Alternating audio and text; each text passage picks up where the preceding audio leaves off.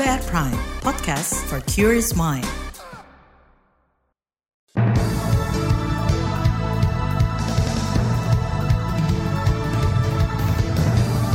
Selamat pagi saudara, senang sekali kami bisa menjumpai Anda melalui program Buletin Pagi, edisi Kamis 4 Januari 2024. Bersama saya Eka Juli, sejumlah informasi sudah kami siapkan, di antaranya kinerja Bawaslu menangani pelanggaran pemilu dipertanyakan. Stok beras terancam defisit saat Ramadan dan Lebaran. Kasus ledakan smelter di Morowali naik ke tahap penyidikan. Dan inilah Buletin Pagi selengkapnya. Terbaru di Buletin Pagi. Saudara kinerja Badan Pengawas Pemilu atau Bawaslu banyak disorot berbagai kalangan karena dinilai tidak profesional.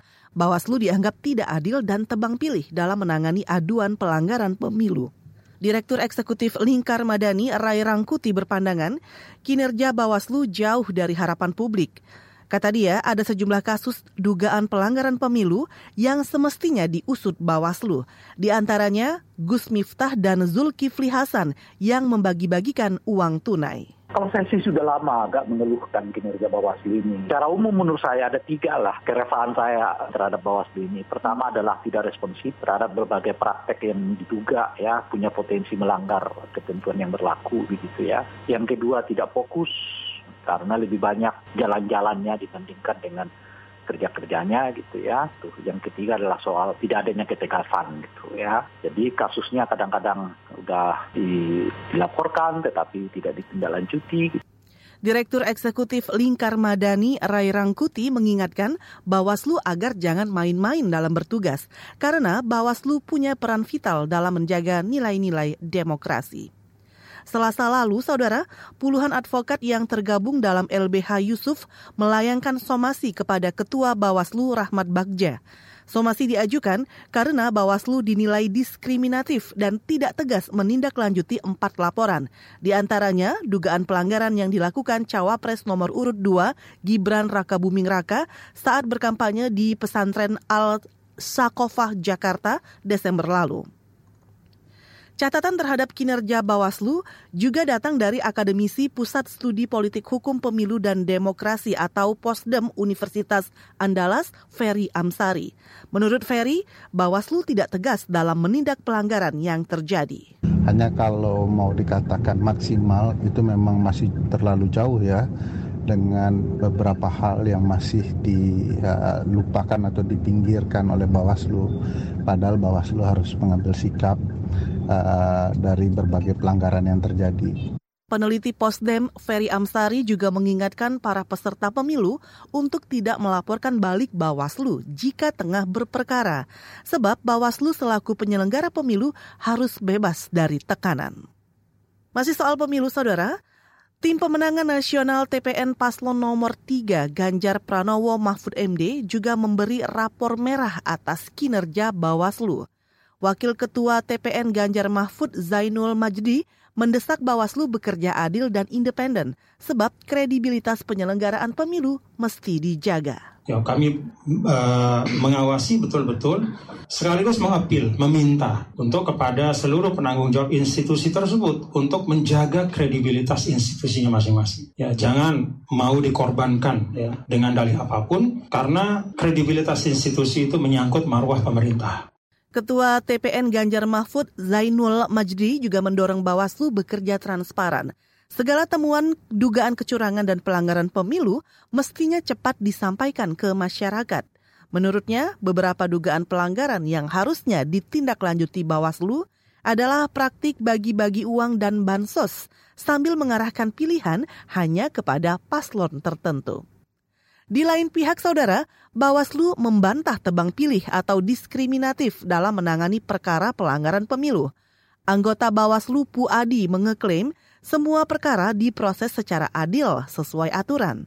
Terkait materi somasi yang dilayangkan LBH Yusuf, Puadi menyebut akan membahasnya secara internal. Bawaslu mempelajari dan akan menyusun jawaban atas somasi tersebut sesuai tenggang waktu yang diminta. Hal itu dilakukan Bawaslu sebagai bentuk akuntabilitas atas profesionalitas Bawaslu menangani berbagai laporan kepada publik. Kita tidak ada pilih kasih itu sesuai dengan apa apa namanya mekanisme hukum yang berlaku tidak siapa pun di, harus diperlakukan adil. Anggota Bawaslu Puadi juga berkomitmen seluruh perkara dugaan pelanggaran pemilu 2024 yang masuk pasti ditangani dan dituntaskan. Saudara, stok beras terancam defisit saat Ramadan dan Lebaran. Tetaplah bersama kami di Buletin Pagi KBR. You're listening to KBR Pride, podcast for curious mind. Enjoy!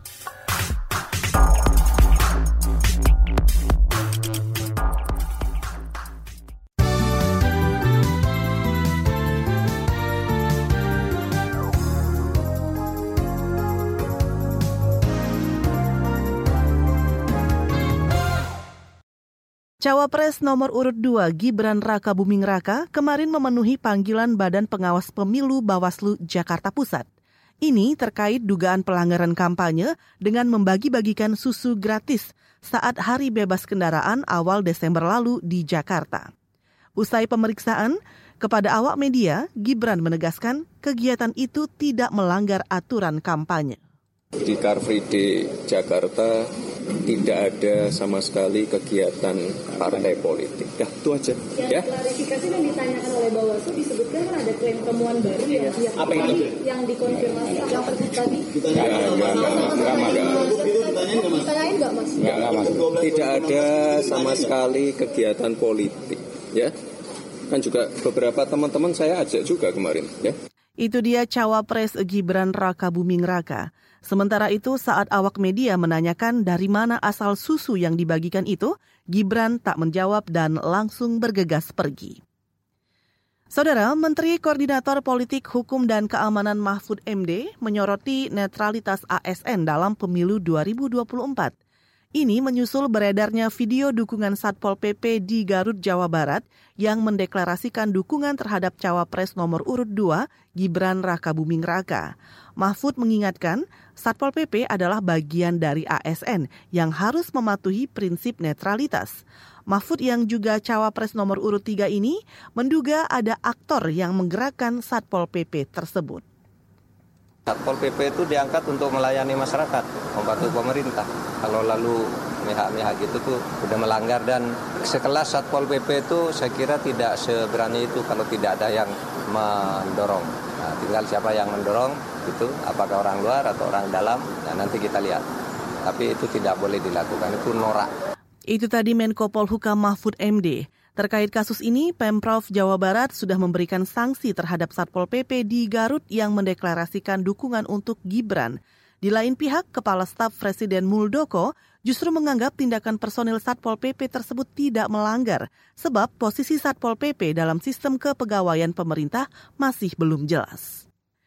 Saudara Capres nomor urut 1 Anies Baswedan menjanjikan reaktivasi jalur kereta api di Sumatera Barat – Menurutnya, akses terhadap kereta api bakal mempermudah mobilitas dan menggerakkan potensi ekonomi di Sumatera Barat. Karena ini salah satu wilayah dengan jaringan kereta api yang paling luas di Sumatera. Tapi kenapa mati? Padahal begitu ada kereta api untuk transportasi bisa, untuk wisata bisa, betul tidak? Betul.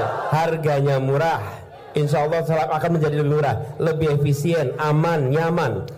Capres nomor urut 1 Anies Baswedan mengeklaim telah memetakan kebutuhan tiap wilayah di Indonesia dalam visi misinya. Ia mengkritik proyek pemerintah selama ini tidak memperhitungkan kebutuhan suatu wilayah. Masih soal pemilu, debat ketiga Pilpres 2024 yang akan mempertemukan tiga capres bakal digelar hari Minggu 7 Januari di Istora Senayan, Jakarta. Menurut anggota KPU RI Agus Melas, tema debat bertambah dari empat menjadi enam tema seputar pertahanan keamanan dan hubungan internasional. Sementara untuk format debat tidak ada perubahan. Kemarin kan posisinya empat tema. Nah, pertahanan dan keamanan tetap jadi tema tersendiri. Kemudian hubungan internasional kami expand dengan globalisasi. kemudian geopolitik sebagai isu tersendiri itu kami expand dengan politik luar negeri. Jadi ada uh, enam subtema yang nanti dibahas dalam uh, debat ketiga. Anggota KPU RI Agus Melas juga menambahkan ada 11 panelis yang bakal merumuskan daftar pertanyaan. Mereka akan dikarantina selama tiga hari mulai 5 Januari besok. Kita beralih ke berita ekonomi. Presiden Joko Widodo menekankan bantuan langsung tunai atau BLT El Nino hanya diberikan kepada penerima manfaat yang terdampak kekeringan. Bantuan ini bertujuan membantu masyarakat dalam menghadapi kenaikan harga akibat kemarau panjang. Juga sudah menerima yang BLT El Nino 400 ribu. Ya. Ada yang juga, ada yang belum. Karena BLT El Nino itu memang untuk menutup adanya kenaikan harga di lapangan karena kemarin musim panasnya panjang. Itu tadi Presiden Joko Widodo saat membagikan BLT El Nino di Gudang Bulog Banyumas, Jawa Tengah kemarin. Jokowi juga memastikan bantuan pangan sebanyak 10 kg sudah disalurkan ke tiap penerima manfaat. Bantuan itu akan diberikan hingga Maret 2024. Masih terkait pangan, Saudara, Satgas Pangan Polri menyatakan ada potensi kekurangan stok beras saat Ramadan dan Lebaran tahun ini. Wakil Satgas Pangan Polri, Helvi Asegap mengatakan potensi itu dipicu kemarau panjang yang mengakibatkan masa tanam dan panen padi terlambat. Dampak dari kemarau panjang mengakibatkan petani mengalami keterlambatan masa tanam. Jadwal panen raya diperkirakan bulan Maret sampai dengan April 2024. Sedangkan kebutuhan beras akan meningkat di bulan tersebut karena HBKN masuki puasa Ramadan dan Idul Fitri sehingga perlu diantisipasi terkait dengan ketersediaan stok. Wakil Satgas Pangan Polri Helvi Asegap juga menambahkan, saat ini harga beras medium di berbagai wilayah masih di atas harga eceran tinggi atau HET. Kita ke mancanegara. Otoritas Transportasi Jepang terus menyelidiki penyebab insiden tabrakan pesawat di landasan pacu Bandara Haneda, Tokyo, selasa lalu. Dua pihak yang terlibat kecelakaan, yaitu pesawat Japan Airlines dan pesawat penjaga pantai Jepang, sama-sama mengeklaim sudah mengantongi izin mendarat serta lepas landas saat kejadian. Penyelidikan akan fokus pada komunikasi pemandu lalu lintas udara dengan kedua penerbangan. Prioritas awal adalah menemukan kotak hitam perekam data penerbangan dan rekaman suara di kokpit. Sedangkan kepolisian juga menggelar penyelidikan terkait potensi kelalaian petugas. Insiden ini menewaskan lima personil penjaga pantai Jepang, sedangkan pilot pesawatnya berhasil menyelamatkan diri. Sementara itu, 300-an penumpang dan 12 awak pesawat Japan Airlines seluruhnya selamat. Kita ke berita olahraga. Timnas sepak bola Indonesia berada di grup berat pada Piala Asia 2023 Qatar. Skuad Garuda masuk grup D bersama Jepang, Vietnam, dan Irak. Gelandang timnas Mark Klok menyebut Indonesia dikepung oleh negara-negara luar biasa. Tim Samurai Biru Jepang misalnya diperkuat sejumlah pemain yang merumput di klub-klub papan atas di Liga Inggris, Liga Spanyol, hingga Liga Belanda. Anak-anak asuhan Hajime Moriyasu itu diprediksi akan melenggang mulus lolos fase grup tanpa hambatan. Meski begitu, Mark Clark percaya timnas akan menampilkan performa terbaik. Skuad Merah Putih akan mulai berlaga 15 Januari melawan Irak, lalu 19 Januari kontra Vietnam, dan menantang Jepang pada 24 Januari. Di bagian berikutnya, saudara, kami hadirkan laporan khas KBR tentang janji pemerintah menyelesaikan permasalahan pupuk subsidi. Tetaplah di Buletin Pagi KBR. You're listening to KBR Pride, podcast for curious mind. Enjoy!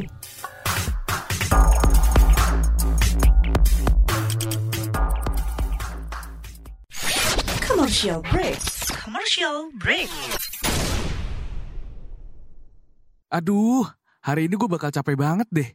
Masuk pagi buta, full sampai sore, ditambah harus kerja kelompok. Pusing banget. Lama-lama nih ya, kalau kata orang-orang sekarang tuh, mental health gue terganggu. Masih pagi woi, udah ngomel-ngomel aja. Nih, biar lo nggak overthinking apalagi jadi self-diagnose, coba deh lo dengerin podcast Disco. Apa? Ke disco? Disco, diskusi psikologi. Itu podcast woi, podcast. Menghadapi kenyataan dunia emang gak mudah. Tapi jangan sampai kesehatan mentalmu terganggu, apalagi sampai self-diagnose. Cus dengerin Disko, diskusi psikologi, persembahan Into the Light Indonesia dan KBR. Disko membahas beragam topik seputar kesehatan mental langsung dari pakarnya. Disko, diskusi psikologi, hapus stigma, peduli sesama, sayangi jiwa. Simak di kbrprime.id dan platform mendengarkan podcast lainnya. KBR Prime, podcast for curious mind.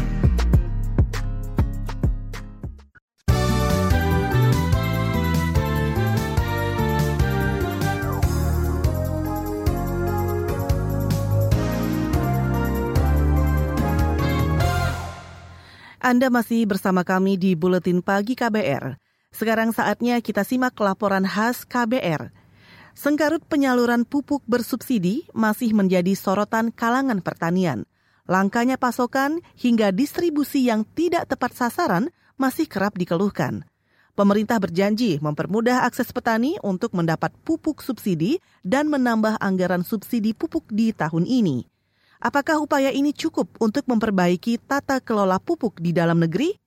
Berikut laporan khas KBR yang disusun Asri Yuwanasari. Petani Indonesia masih mengeluh sulitnya mendapatkan pupuk bersubsidi di lapangan. Berbagai permasalahan terjadi mulai dari birokrasi yang rumit, lokasi pengecer yang jauh dari petani, hingga adanya permainan harga pupuk. Suhendar, petani dari Kecamatan Campaka Mulya, Kabupaten Cianjur, Jawa Barat, mengeluhkan harga pupuk bersubsidi di tingkat pengecer yang berbeda-beda. Keluhan itu dia sampaikan langsung kepada Menteri Pertanian Andi Amran Sulaiman saat mengunjungi Jawa Barat awal Desember lalu. Antara pengecer di kecamatan lain sama pengecer di kecamatan saya itu berbeda jauh, hampir 50 ribu per sak, Pak. Itu apalagi di... Eh, pengecer apa? Ecer dari kios tani. Terus satu lagi, Pak. Terkait saya kan perbatasan nih. Jadi antara perbatasan saya, jadi katakanlah bisa antara perbatasan kecamatan sama kecamatan lain itu bisa beri di kecamatan lain. Jadi itu yang bikin saya ribet juga Pak. Petani-petani yang kecil yang hanya butuh 20 kilo, 10 kilo itu sangat darurat sekali Pak. Jadi terdekat dari kecamatan misalkan Sukanagara. Harus beri ke kecamatan lain dan dalam jangka waktu harus menggunakan 20 km Pak. Di sisi lain, penyerapan pupuk bersubsidi hingga akhir tahun lalu hanya sekitar 60 persen secara nasional. Data ini diungkap asisten pemeriksa keasistenan utama Ombudsman RI Miftah Firdaus awal Desember lalu. Ternyata per awal Oktober, tingkat penembusan hanya sekitar 60 persen ke bawah. Itu nasional, Pak. Dan kemudian rata-rata ada 22 provinsi yang memang penyerapannya masih rendah juga. Salah satunya di Banten yang dekat dari Jakarta ini penyerapannya paling rendah. Kalau tidak salah sekitar 35 persen ke bawah. Dari data ini menunjukkan bahwa uh, rendahnya tingkat penyaluran atau penembusan pupuk ini ternyata menjadi salah satu indikasi bahwa masih ada permasalahan dalam mekanisme penembusan pupuk bersubsidi. Miftah menambahkan hingga Oktober 2023 masih ada sekitar 4,3 juta petani belum bisa atau sama sekali tidak bisa menebus pupuk bersubsidi. Padahal jumlah petani yang terdaftar dalam portal e-alokasi ada sekitar 15 juta orang. Miftah mengatakan masalah utama yang menghambat petani menebus pupuk adalah penerapan mekanisme penebusan secara tunggal di kios pengecer. Misalnya, kios hanya menerapkan satu mekanisme penebusan, yakni kartu tani. Namun, ada gangguan teknis pada kartu tani atau titik kios tidak terjangkau jaringan atau sinyal. Merespons masalah ini, pemerintah melakukan sejumlah upaya untuk memperbaiki tata kelola pupuk bersubsidi. Presiden Joko Widodo berjanji menambah anggaran untuk subsidi pupuk tahun ini sebesar 14 triliun rupiah. Hal ini disampaikan Jokowi dalam acara pembinaan petani seprovinsi Jawa Tengah di Banyumas selasa lalu. Sehingga di 2024 ini saya sudah ngomong ke Menteri Keuangan agar subsidi pupuk ditambahkan senilai angka hitung-hitungan kita 14 triliun harus ditambah.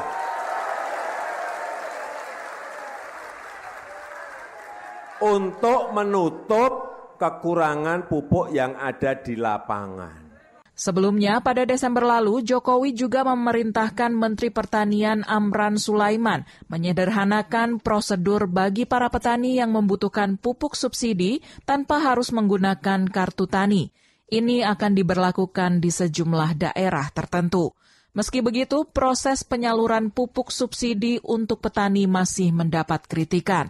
Pengamat pertanian sekaligus Kepala Pusat Bioteknologi Institut Pertanian Bogor IPB, Dwi Andrea Santosa, meminta pemerintah mengalihkan subsidi pupuk menjadi subsidi langsung kepada petani. Dan sikap kami sudah tegas. Kalau subsidi langsung ya nggak ada masalah sama sekali. kan? Nah kalau seperti itu petani nggak akan kesusahan.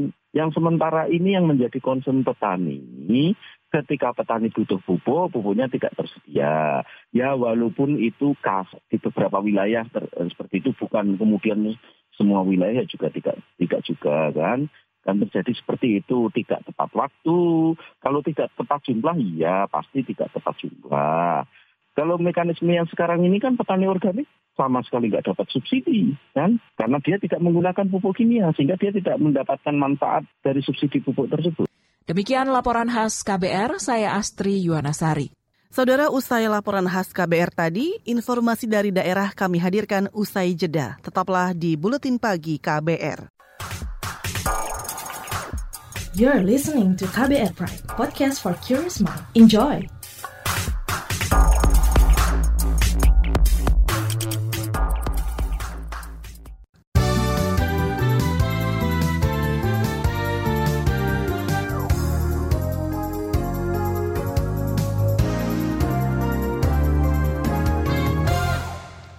Saya Eka Juli masih bersama Anda di Buletin Pagi KBR.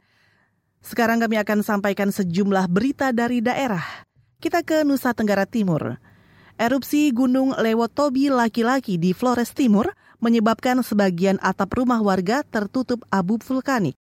Kepala Bidang Kedaruratan dan Logistik BPBD Flores Timur, Afi Halan mengatakan, beberapa warga juga terserang penyakit infeksi saluran pernapasan akut atau ISPA bahwa akibat erupsi Gunung Lewotobi laki-laki yang terjadi sejak tanggal 23 Desember tahun 2023, sebagian rumah warga atap rumah warga menjadi warna putih, tanaman-tanaman juga ruas-ruas jalan juga, uh, dan beberapa warga juga sempat mengalami uh, ISPA, infeksi saluran pernapasan.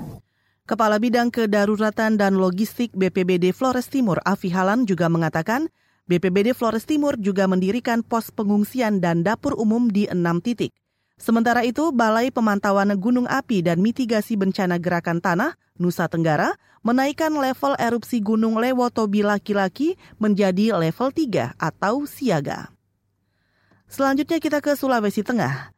Polda Sulawesi Tengah menaikkan status kasus kebakaran tungku smelter di PT Indonesia Xingshan Stainless Steel atau ITSS di Morowali ke tahap penyidikan. Namun belum ada tersangka yang ditetapkan. Juru bicara Polda Sulteng Joko Winartono mengatakan penyidik akan meminta keterangan ahli pidana dan ahli ketenaga kerjaan. Pasal yang dilanggar yang disangkakan ada pasal 359 dan pasal 360 KUHP yang mana ancaman hukuman 5 tahun penjara. Demikian. Bahwa ini hanya meningkatkan perkara dari penyelidikan ke penyidikan, melakukan investigasi secara mendalam uh, penyidik. Juru bicara Polda Sulawesi Tengah, Joko Winartono juga menuturkan, dua pasal yang digunakan adalah terkait kelalaian yang mengakibatkan kematian atau luka. Menurutnya, tim masih butuh sekitar sepekan ke depan untuk menyelesaikan ke tahap penyidikan. Insiden kebakaran tunggu smelter di PT ITSS ini menyebabkan 21 orang meninggal dan melukai puluhan lainnya. Kita bergeser ke Jawa Barat. Lebih dari 1.100 rumah rusak akibat gempa Sumedang bermagnitudo 4,8. Dari jumlah itu, 870-an rumah rusak ringan, 130-an rusak sedang, dan 120-an rusak berat. Warga yang rumahnya rusak akan mendapat ganti rugi berdasarkan tingkat kerusakan. Berikut keterangan penjabat Gubernur Jawa Barat Bey Mahmudin kemarin. Tapi ini belum diverifikasi, artinya rumah-rumah itu dicatat, nanti akan disesuaikan dengan standar. Dan kalau rusak berat, sesuai dengan Kepres, ya, sesuai dengan gempa di Cianjur itu, rusak berat mendapatkan 60 juta, rusak sedang 30 juta, dan rusak ringan 15 juta.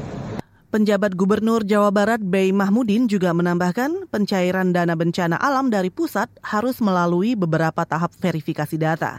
Ia memastikan dana akan dicairkan segera setelah proses verifikasi selesai. Kita ke Pulau Dewata. Bekas Gubernur Bali, Iwayan Koster, kemarin diperiksa di Polda Bali terkait dugaan kasus korupsi. Juru bicara Polda Bali, Jensen Aviatus mengatakan Koster diperiksa sebagai saksi, namun belum ada kejelasan kasus dugaan korupsi dimaksud. Jensen hanya mengatakan pengusutan ini berdasarkan laporan masuk yang kemudian ditindaklanjuti oleh kepolisian. Saudara, informasi tadi menutup jumpa kita di Buletin Pagi. Pantau terus informasi terbaru melalui kabar baru, situs kbr.id, Twitter atau X kami di akun @beritaKBR, serta podcast di alamat kbrprime.id. Akhirnya saya Eka Juli bersama tim yang bertugas undur diri. Salam.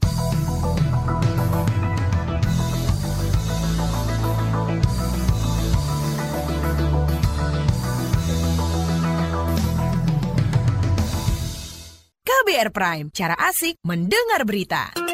KBR Prime, podcast for curious mind.